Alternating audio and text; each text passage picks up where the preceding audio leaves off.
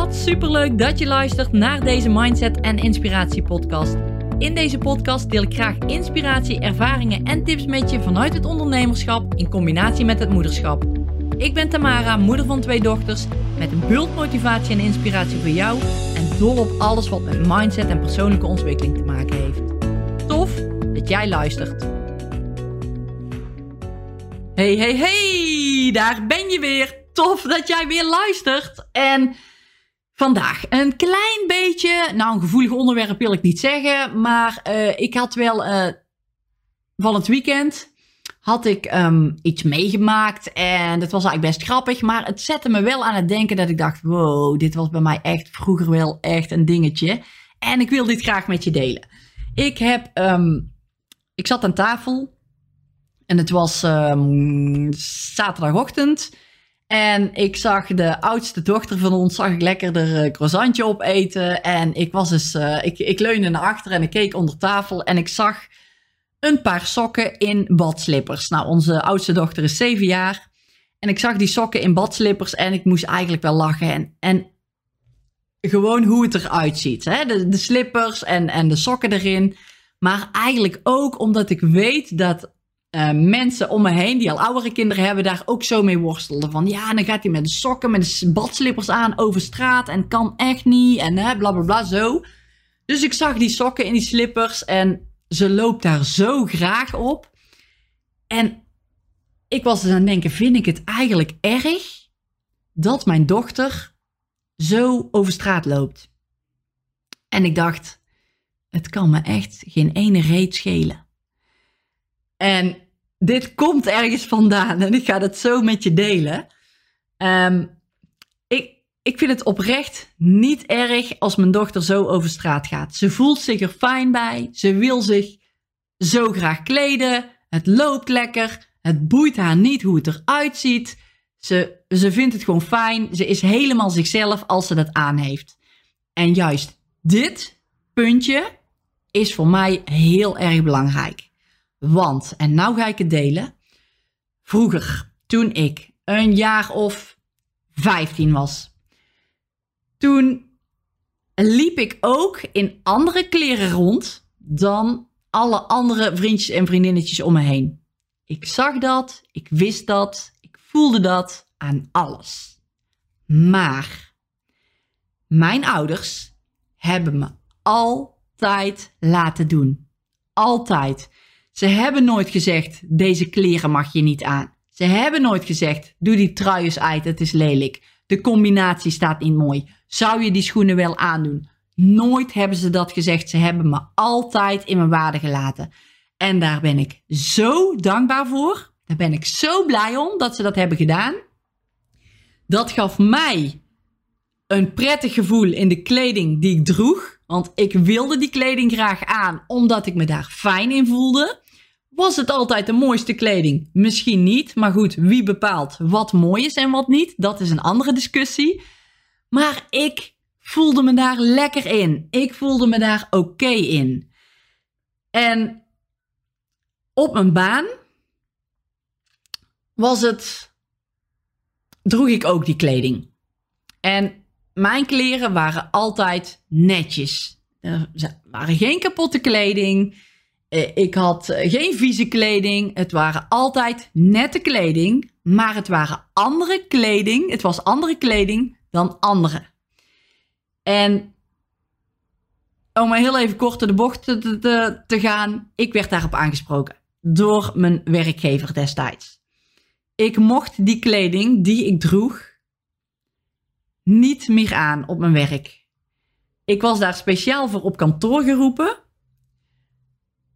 En ze probeerden het heel mooi in te pakken, dat weet ik ook nog.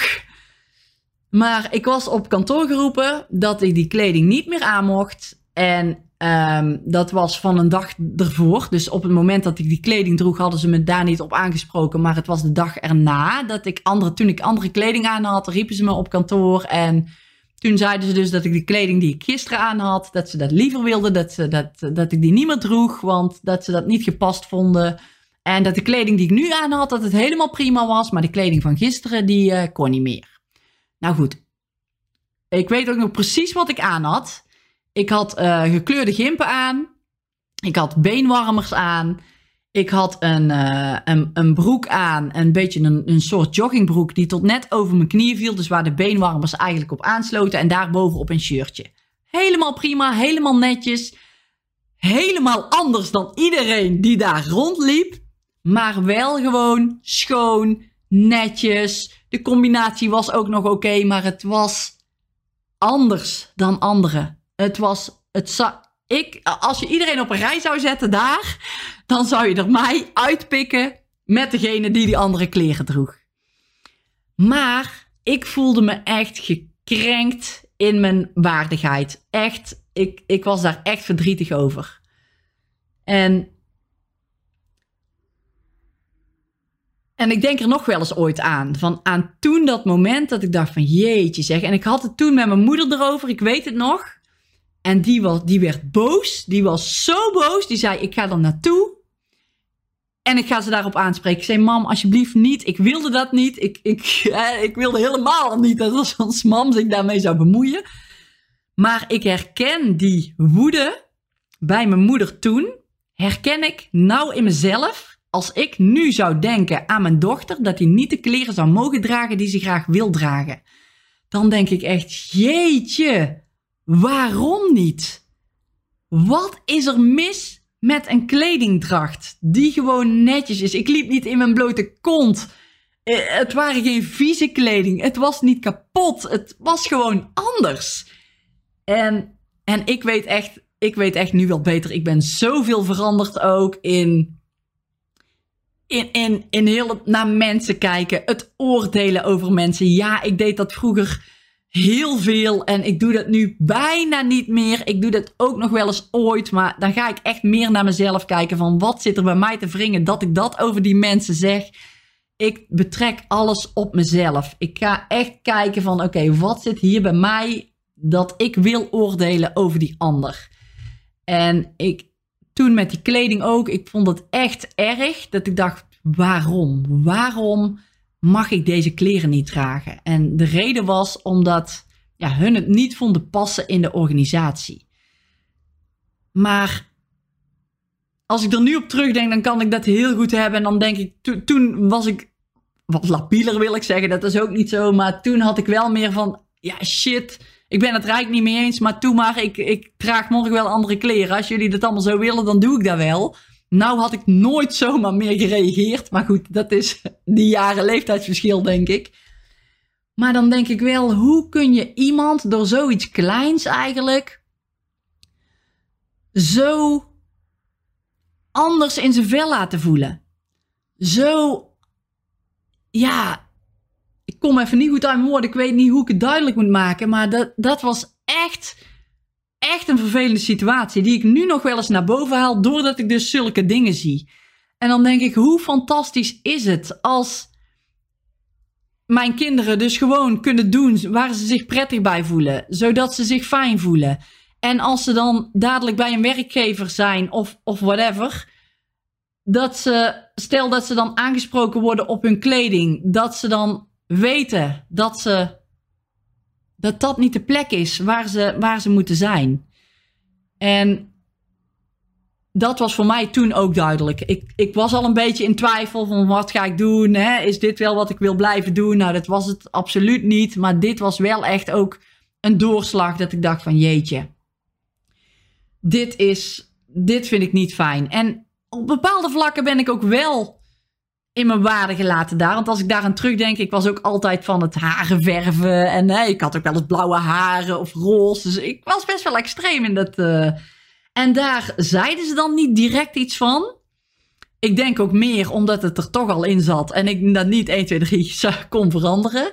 Maar ik merkte aan alles dat het niet gewenst was. Ik voelde dat aan alles. Ik, ik voelde die, die spanning, die blikken die er, naar me, die er, die er hè, op me gericht werden. Het achter mijn rug omgepraat. Ik, ik weet het en ik voelde het. En dat was zo niet fijn. En ik wil me nooit meer, nooit, nooit, nooit meer in zo'n cultuur begeven. Never te nooit meer. En ik zelf wil ook iedereen in zijn waarde laten. Iedereen die bij mij ooit werkt. Iedereen die, die ik zie, die op bezoek komt. Iedereen wil ik in zijn waarde laten. Ik vind het zo belangrijk. En dit is even één voorbeeldje daarvan, maar ik wilde hem graag met je uitlichten. Dus ik zag dat zo, dat dit van die sokken en, en die slippers. En mijn dochter herken ik daar wel een beetje in. Die heeft ook echt heel duidelijk van, nee man, daar wil ik niet aan. Daar wil ik aan, daar wil ik niet aan.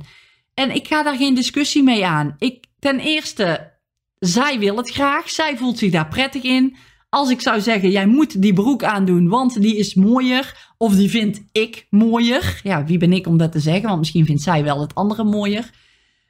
Maar vooral, hoe voelt zij zich daarin? Misschien voelt zij zich wel helemaal ellendig als ze zo naar school moet. Dan denk ik, jeetje, wie ben ik om dat te zeggen? Wie ben ik om te zeggen dat ze dan die broek aan moet, omdat ze zich ellendig dan voelt? Als ze die broek draagt, terwijl ik vind dat zij dat moet dragen. Dat is toch te krom voor woorden? En ik, in het begin was het natuurlijk hè, ook wel anders dan, dan die combinatie die ze dan aan hadden. Hè, de kinderen, dan, dan dacht ik soms ook wel eens van... oké, die combinatie, hè, die kleurencombinatie zouden zelf niet voor gekozen hebben... maar als jij het leuk vindt, helemaal gelukkig zie je die kinderen dan. Helemaal happy in wat ze aan hebben en wat ze dragen. Ze voelen zich er prima bij. Super fijn. En ik denk, hier begint het al. Hier begint al het stukje loslaten. Het stukje die controle die jij zelf hebt meegemaakt. En ik heb dan hè, een beetje hetzelfde meegemaakt. Dus het is voor mij makkelijker om dit te doen naar mijn dochter. Maar iets wat jij zelf in het verleden hebt meegemaakt, hoeft niet zo te zijn voor een van jouw kinderen. En dat is denk ik echt een, een hele belangrijke dat je zoveel mogelijk probeert, of tenminste dat doe ik, zoveel mogelijk probeer te luisteren naar wat mijn dochters echt willen. En het is niet dat ze alles mogen, dat is het niet. Maar ik luister wel echt naar wat ze willen, want ik weet wat het kan doen met hoe ze zich voelen, hoe ze in het leven staan, hoe zelfverzekerd ze zijn, hoe ze naar andere kinderen reageren, hoe ze naar school gaan, hoe ze naar de sportclub gaan, in alles. Als ik dan kijk ook naar Bo, die, dat is de oudste dochter, die, die uh, mocht een training mee gaan doen. En een survival training voor het eerst. Nou, Bo, welke kleren wil je aan? Welke sportkleding? Zal ik even mee naar boven lopen om te kijken wat je hebt? Nou ja, goed, ze had nog drie sportbroeken. En ik had er drie laten zien. Eén was een legging, één was een korte broek, een roze. Die kwam tot net boven de knieën. En één was echt een kortere broek, gewoon een, een kort broekje. Dus ik zei van, nou, kies maar uit deze drie, want je hebt geen andere sportbroeken, dus je mag hier even uit kiezen. En ze zei meteen, nou die roze broek man, die hoef ik niet, die vind ik stom. Die uh, wil ik echt niet aan. Terwijl in mijn ogen dat de fijnste broek geweest was voor die survival training die ze zou volgen. Maar ze had zo sterk die mening, ik wil dat niet mam, ik ga dat niet doen, ik doe dat niet aan. Helemaal fijn. Ik, ik vind het zo fijn als mijn dochter zich zo uitspreekt van ik wil dat niet, ik vind het niet fijn. Dat durft te zeggen, dat zegt tegen me. Wie ben ik dan om te zeggen dat ze dat aan moet en dat ze zich rete rot voelt omdat ze, zich, omdat ze dat aan moet? Ja, ik heb natuurlijk dat gevoel van vroeger, dus ik kan daar heel makkelijk in, in mee. Ik kan het heel makkelijk koppelen, maar ik probeer dat op andere vlakken ook zo te doen. Hoe ik dingen mee heb gemaakt vroeger, hoeft voor mijn dochter niet zo te zijn. Als ik bijvoorbeeld ik noem nog maar iets. We gaan nou naar de bergen. Hè? We nemen een tent mee. Of uh, we nemen geen tent mee. We hebben een tent. We hebben een huisje. We gaan naar de bergen. Ik vind het fantastisch. Mijn man vindt dat fantastisch. De kinderen vinden dat ook nog fantastisch. Om daarheen te gaan. Maar het zou zomaar eens kunnen dat ze dadelijk zeggen: Ja, man, die bergen vind ik echt gereed aan. Ik, ik wil niet meer naar de bergen. Ik wil gewoon. Uh, ik blijf hier in Nederland. Lekker vlak. Ik vind het allemaal goed. Ik ga naar een camping met een zwembad. En waar de staat, boeien. Maar ik hoef geen berg meer te zien. Dat kan. En dan kan ik ze straks als ze, hè, als ze wat ouder zijn en eh, ik zeg ja papa en mama willen toch per se naar de bergen en zij zitten daar in de bergen en ze zijn zo chagrijnig als iets omdat ze in de bergen zitten. Ja, vind ik ook niet helemaal fair. En ja, het is ook wel een stukje geven en nemen. Maar dan denk ik, ja, het is wel de vakantie. En er mag ook gedaan worden wat hun leuk vinden. Er mag ook geluisterd worden naar wat hun willen. En daar kan over gepraat worden natuurlijk. Hè. We kunnen een stukje bergen pakken, we kunnen een stukje dit pakken. En dat wordt overlegd. En ik weet zeker dat we daar dan samen gewoon uitkomen. Dat er voor ieder wat wils in zit. Want zo is het ook wel weer. Maar het gaat even om dit. Hoe doe jij dat? Hoe ga jij naar je, hoe kijk jij naar je kinderen? Vind jij dat ze alles moeten doen omdat jij het zo ook hebt gedaan? Vind jij dat ze iets niet moeten doen omdat jij het zo ook hebt geleerd? E, even nog een voorbeeldje wat in mijn hoofd naar boven schiet. Aan tafel zitten bijvoorbeeld, aan tafel eten. Ik heb altijd geleerd van mijn ouders, je moet aan tafel blijven zitten. Totdat iedereen klaar is, want dat is netjes.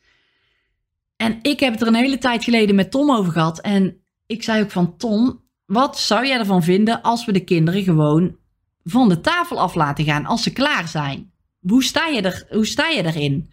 Ja, nou ja, goed, die had ook wel vroeger aan tafel blijven zitten. Dat was, ik zei, maar waarom?